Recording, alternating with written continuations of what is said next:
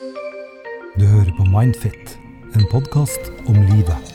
Velkommen til Mindfits podkast nummer 89. Hei, Anne. Hei, Nils. Hei, Hilde. Hei, Nils. Eller er det Hilde? Det, det, er ingen som, det er veldig mange som ikke klarer å skille stemmene deres. Så er dere én eller to? Kan dere snakke samtidig? Én, to, tre. Hei, Nils. Ja, dere er, altså Jeg ser at dere er to, og dere er to. Hilde, eh, vi kjente deg jo ikke igjen når du kom i dag. Det er lenge siden. Du, det er jo Mindfits mamma. Eh, du har ikke besøkt slavene dine på over et halvt år. Hva har skjedd? Har det utrolig travelt, da, vet du. Så det er mye jobbing. Og dere har jo de her sendingene på tidspunkt som ikke passer for meg. Ja. Kan vel ha noe med at eh, sivilstanden er i ferd med å endre seg også? Et rått tips der. Ja. Du, For å si det sånn, så har jeg fått en hund som er ganske gammel, og når dere har innspilling, så må jeg ut på tur med han. ja, sånn Så jeg er skulle det. gjerne hatt sånne råd i forhold til hunde, hundeoppdragelse. Det kan vi ta om litt. Vi skal bare ta highlightsene av de to spørsmålene vi skal besvare i dag, Janne, og det er Skal jeg si det denne gangen? Ja, jeg tenkte det. Ja. Det ene spørsmålet handler om hvordan håndtere følelser som ikke finnes. Den er interessant. Ja. Og det andre handler egentlig litt om det samme, men det handler om det her med når du blir deprimert. Eh, og, og, litt, og, og hvordan du da um, uh, mister følelser for ting. Ja, At man rett og slett kan uh, si ha det til en kjæreste, og om det er en del av en depresjon, eller Ja. slike ting. Det er altså de to spørsmålene vi skal dypdykke inn i i dag. Eh, men eh, over til eh, Mindfit. Fordi jeg leste i eh, avisa for ikke så veldig lenge siden at sånne mindful-apper kan gjøre folk deprimerte. Og da må jeg innrømme at selv med min da tilsynelatende gode kunnskap om Mindfit, så tror jeg liksom at det er en mindfulness-sak. Og så tenkte jeg jøss, er jeg med på å gjøre folk deprimerte? Det kan jeg ikke, jeg må slutte. Nei, Mindfit er jo ikke en mindfulness-sak. Nå kan jo Janne si mer om mindfulness, men um, i vår app da, så har vi teknikker hvor noen av teknikkene som vi har, som du kan hjelpe deg sjøl med hvis du har uh, mye stress i hodet, hvis du uh, får angst, så har vi teknikker du kan bruke for å redusere eh, opplevelsen eller ubehaget du har. Og en av de teknikkene er jo litt mindfulness. Den er veldig eh, noe Altså, det som er spennende med mindfulness Jeg tenker det er viktig å ta det som det det er. Det, det handler om å kunne være til stede her og nå. eh, Akseptere det som kommer av tanker og følelser. Uh, uten å liksom Ja, du kan bli aktivert av det, men du må også prøve å liksom bare være i det, sånn at det kan gli over etter hvert. Og jeg tror, hvis en finner ut at det kan gjøre folk nedfor, da Jeg har jo ikke lest den forskninga så nøye. Eh, Men jeg tror det går på at mange ikke får til det her. Og at det er noe med timing med sånne teknikker, da. Fordi har du veldig stort trykk inni deg, så er det vanskelig. Og da kan det være sånn at du føler en manglende mestring. Du får det ikke til. Mm. Så jeg tenker alt med måte. Men trener du det her jevnlig, eh, så har folk veldig nytte av det. Eh, Og fordi mange strever med nettopp det. De strever med den her eh, toleransen for det som de til enhver tid kjenner på. Så for noen så vil da mindfulness funke. For andre så bør de kanskje ta en eh, mind halvveisness. Ja, du kan tenke sånn, i hvert fall sånn som Det var veldig veldig morsomt, Nils. Ja, Ja, du lo sjøl. Ja, altså jeg har et dårlig publikum. Nei, jeg ler nå, da. Ja, det- Mest av at du lo. Greit. Okay, vi Du, jeg har lyst til ja. å bare si en ting om Men da må du eh, litt nærmere mikken. Ja. Vi hører at det er lenge siden du har vært der. Ja. Men du, jeg har bare lyst til å si en ting om Mindfits, eh, som hvordan du kan bruke den hvis jeg får lov. Og det handler jo rett og slett om at når du har det utfordrende og mye negative tanker, så er denne appen ment for å trene opp tankemønsteret ditt, sånn at du får litt motpol i forhold til de tankene du har. Åssen går det med mindfit nå? Det går egentlig veldig bra, men på noen måter så har vi jo en utvikling, en videreutvikling vi har lyst til å gjøre. Så nå har vi jo, er vi på vei til å få inn litt mer penger, så vi tenker at vi er på vei til å få til det. Ja, så bra. Flotte greier. Det blir kanskje en kaffe på meg, da. tror du skal få deg en kaffe. Ja, det blir kjempebra. Og fyrstekake, Nils. Fyrstekake er veldig bra. Nå skal vi eh, pense oss inn eh, og være litt eh, seriøse, selv om det er selvfølgelig seriøst med Mindfit også.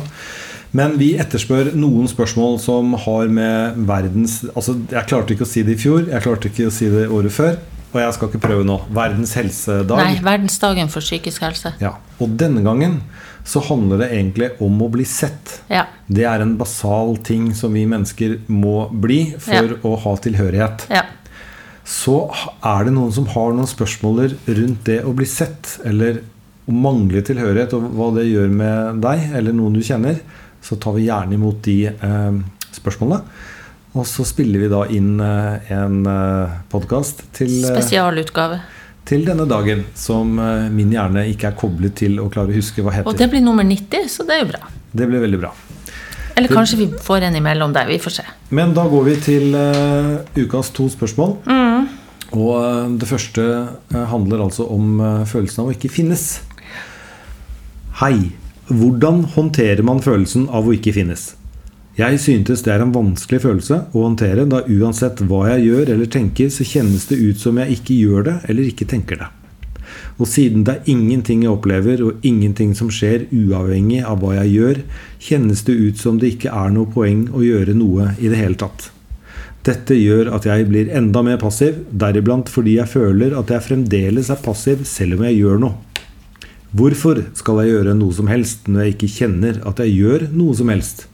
Syntes det er mye lettere å håndtere lidelse, fordi det gir livet retning og mening. Da vet jeg hvorfor jeg har det ille, og vet også at jeg kan gjøre noe med det, og at det er mulig å endre livet til det bedre. Og derfor gjør jeg noe med det, selv om det er ingen garantier for at det faktisk blir bedre. Da er jeg privilegert. Men når jeg virkelig har det ille, kjenner jeg ingenting. Føler en trang til å gjøre ingenting, og det kjennes ut som om det å ha det ille ikke finnes, og at det å ha det bra ikke finnes. Dermed gjør jeg ingenting, siden det å ha det bra er det samme som å ha det kjipt, som igjen er det samme som å ha det ingenting, og det kjennes ut som at ingenting jeg gjør, kan endre på det. Jeg syntes det er en absurd tilstand.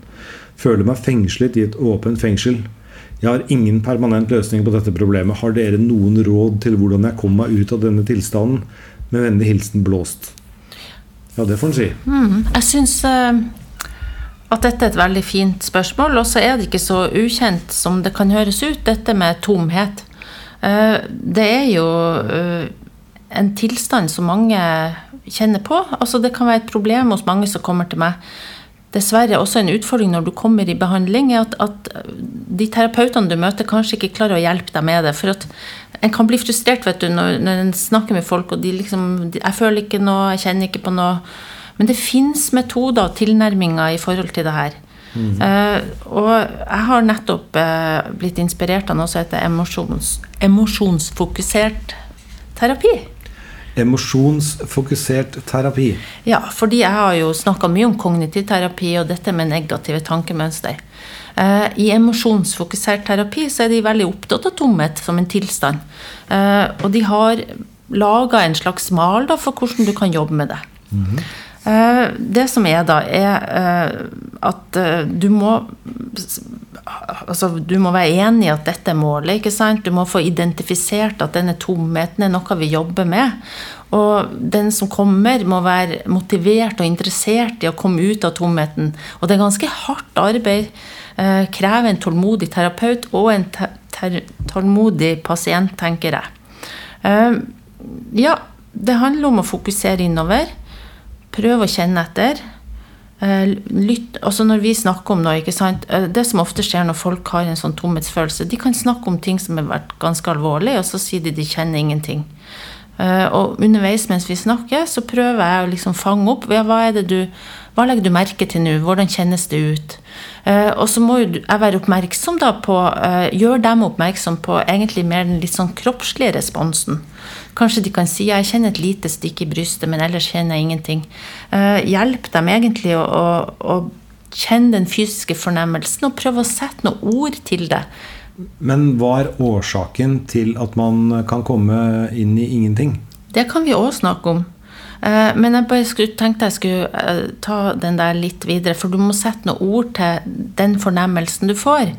Eh, Og da kan en komme på sporet av følelsene òg.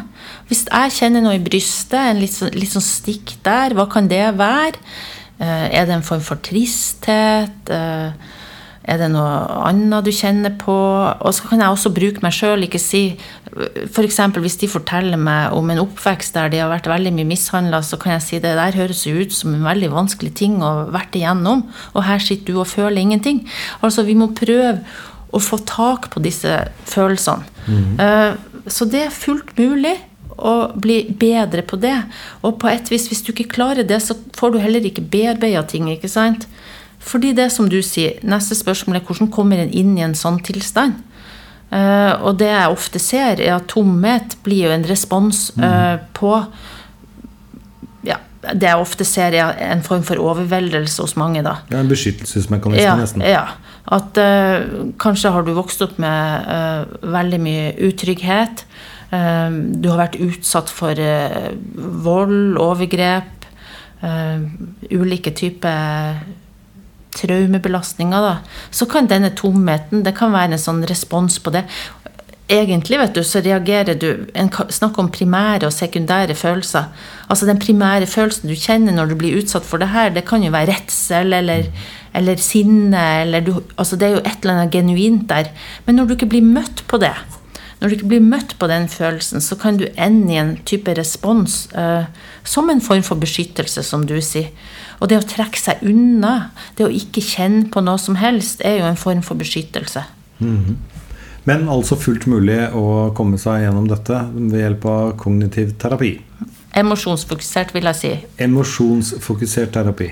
Men fullt mulig. Jeg må jo også si uh, Altså at man at fokuserer mange- på følelsene til pasienten. Ja, mange av de som uh, har disse utfordringene, de leter nok litt etter rett type behandler. Fordi eh, det er jo ikke alle behandlere som vet hvilket verktøy en skal bruke for å hjelpe noen som har det sånn. Og da kan det bare bli til at en sitter og snakker om ting uten å kjenne på ting.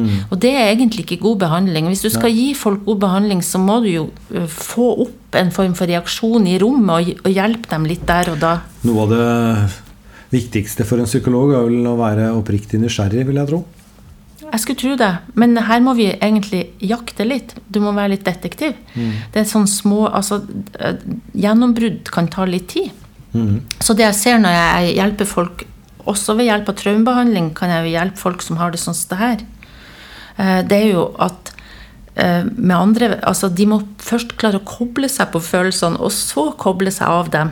Så det er en litt sånn lengre vei, hvis du skjønner. For, for de har jo ikke kontakt med de her følelsene i Mista utgangspunktet. stikkontakten til følelsene. Ja, det var godt sagt.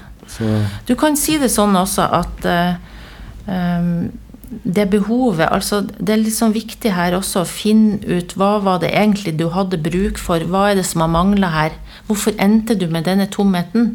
Jo, fordi eh, du fikk ikke den bekreftelsen eller anerkjennelsen som du hadde trengt. Så gjennom behandling så handler det om å få kontakt med hva du trengte, og så føle at du blir møtt på det.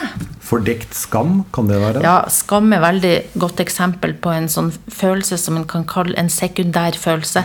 Altså det er en reaksjon på den opprinnelige følelsen, som kanskje er at jeg ble sint. Jeg var med mammaen og pappaen min, så ble jeg sint, og så ble jeg møtt med straff.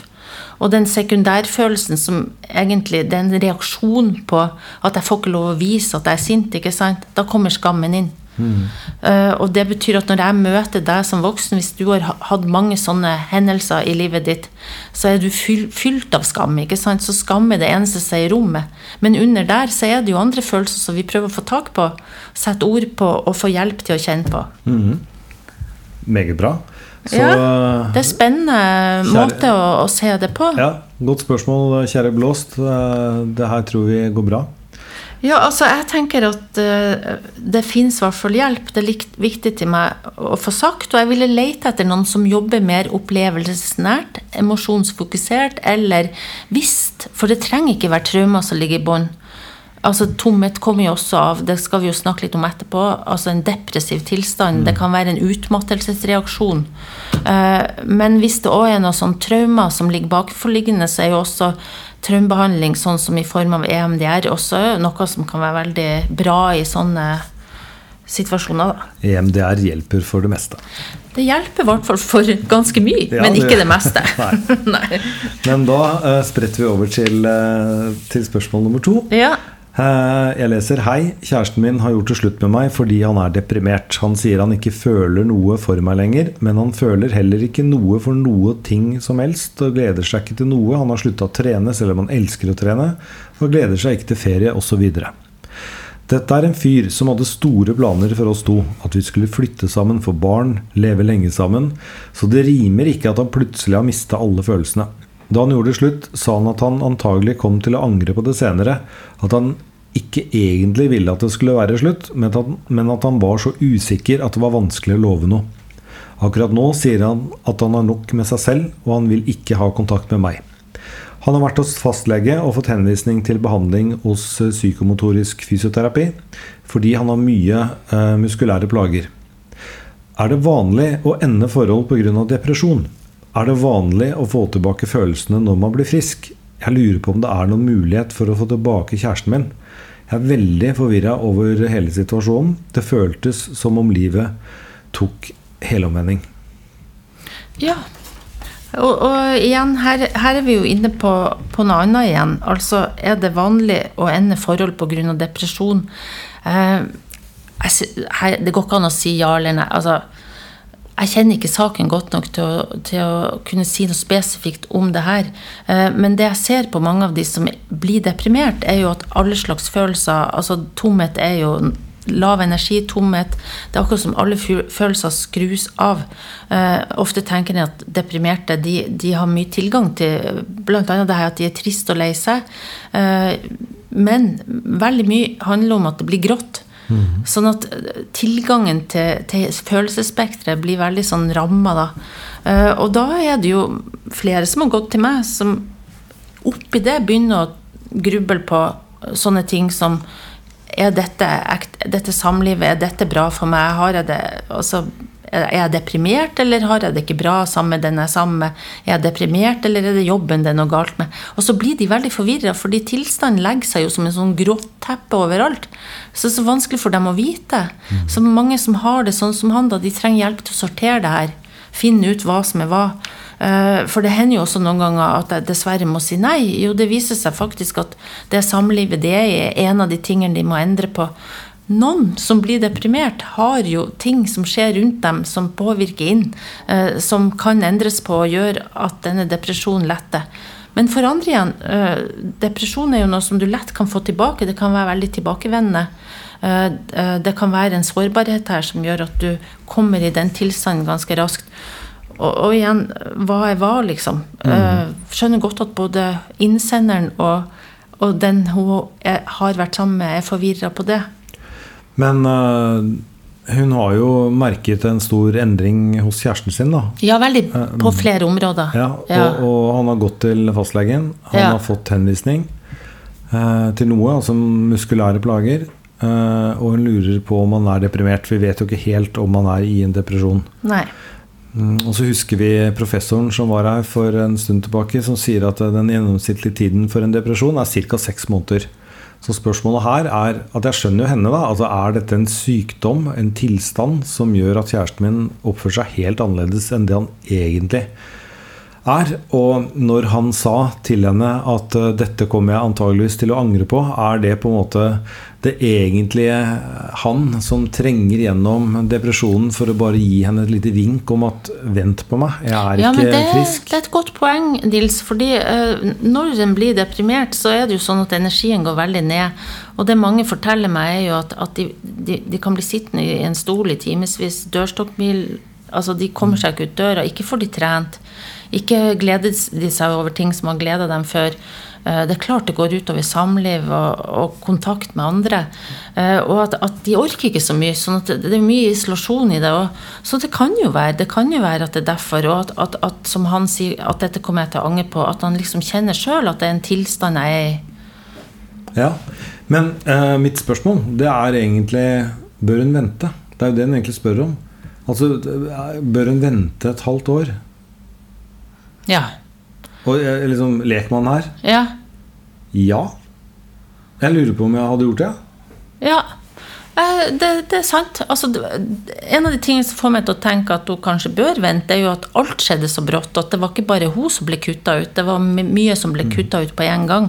Eh, som får meg til å tenke det akkurat som du har fått en sånn form for depressiv reaksjon. da. Og, og det er jo mye anspenthet her. For psykomotorisk behandling er veldig bra. Jeg samarbeider godt med folk som jobber med det. Eh, fordi gjennom det muskulære og sånn, så får jo de ofte kontakt med folk og får også nøsta litt opp en del ganger om det kan være noen bakenforliggende årsaker til denne anspentheten. Mm. så det kan godt være at det lønner seg å vente. Eh, Det spørs jo hvor mye avvisningen tåler i mellomtida. Eh, Og så tenker jeg sånn Ja.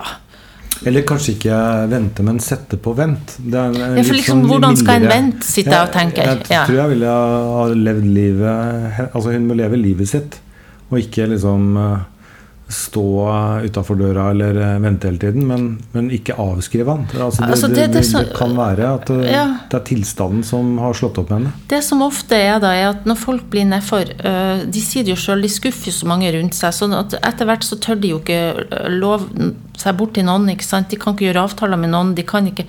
En av de tingene som foregår, er jo veldig mye negativ selvvurdering. At du kritiserer deg sjøl hele tida og føler skyld. Sånn det er klart at, at uh, dette kan endre seg hvis det er en tilstand. Uh, og at øh, hvis hun tåler uh, og en del avvisninger, da at hun prøver igjen å ta kontakt, bare for å se. Altså, er tilstanden endrer seg? Angrer han? Kan det være at det er annerledes nå? Kan vi møtes for en prat, i det minste? Ja. Eh, For at dette ble jo så brått uansett. Så jeg tenker uansett at det må være godt for dem å møtes igjen på et tidspunkt og snakke om hva skjedde egentlig. Og i hvert fall uh, i serien sånne seige, ikke seige, feige mannfolk som ikke tør å slå opp uh, og finne på sånn helt nøttete bortforklaringer uh, for å da slippe å si at enten jeg syns ikke vi har det bra, jeg har lyst til å finne noe annet sånn, så høres virkelig ikke denne historien ut som det er det. Det, det høres veldig reelt ut, og da får i hvert fall min stemme Vent inntil seks måneder. Sett det litt på vent. Og Nei, altså, for å si det som det, jeg er ikke så skråsikker så derfor har jeg sett litt begge deler.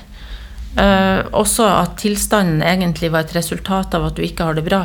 Men jeg tenker hvis hun mener at denne mannen er verdt å kjempe litt for, så, så må hun prøve å ikke bare la være å ta kontakt og vente på at han tar kontakt. For at i en depressiv tilstand så ligger det jo også det at en, en orker ikke ta kontakt. Da må hun tørre å ta kontakt.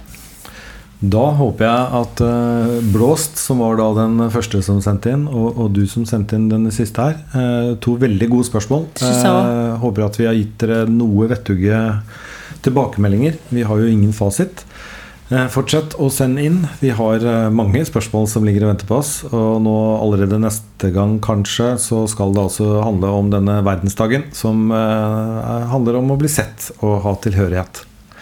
Og da blir det Mindfit nummer 90. Og nå er det vel et halvt år igjen til vi ser deg igjen. Og da har du jo flyttet sammen med kjæresten din og full pakke. det. Ja, ja, ja. Jeg så flytter om ei uke. Ja. Og, og så er det selvfølgelig sånn når du er så lite vant til å være her, at eh, det er grunnen til at du låter litt lavere for dere som hører på podkasten. Det er eh, at eh, du er mye lenger vekk fra mikrofonen. Søstera di har en mye bedre mikrofonteknikk nå, men det har noe med trening å gjøre. Ja. Men man, hvis man trener, så kan man jo bli god på ting. Det har vi essensen i Mindfit. Ja, det er essensen i Mindfit. Da får dere ha en eh, fin eh, dag, og lykke til eh, med hus og heim. Og vi snakkes om et halvt år, og vi andre snakkes da om ikke så altfor lenge. Ha det bra. Ha det. Du hører på Mindfit, en podkast om livet.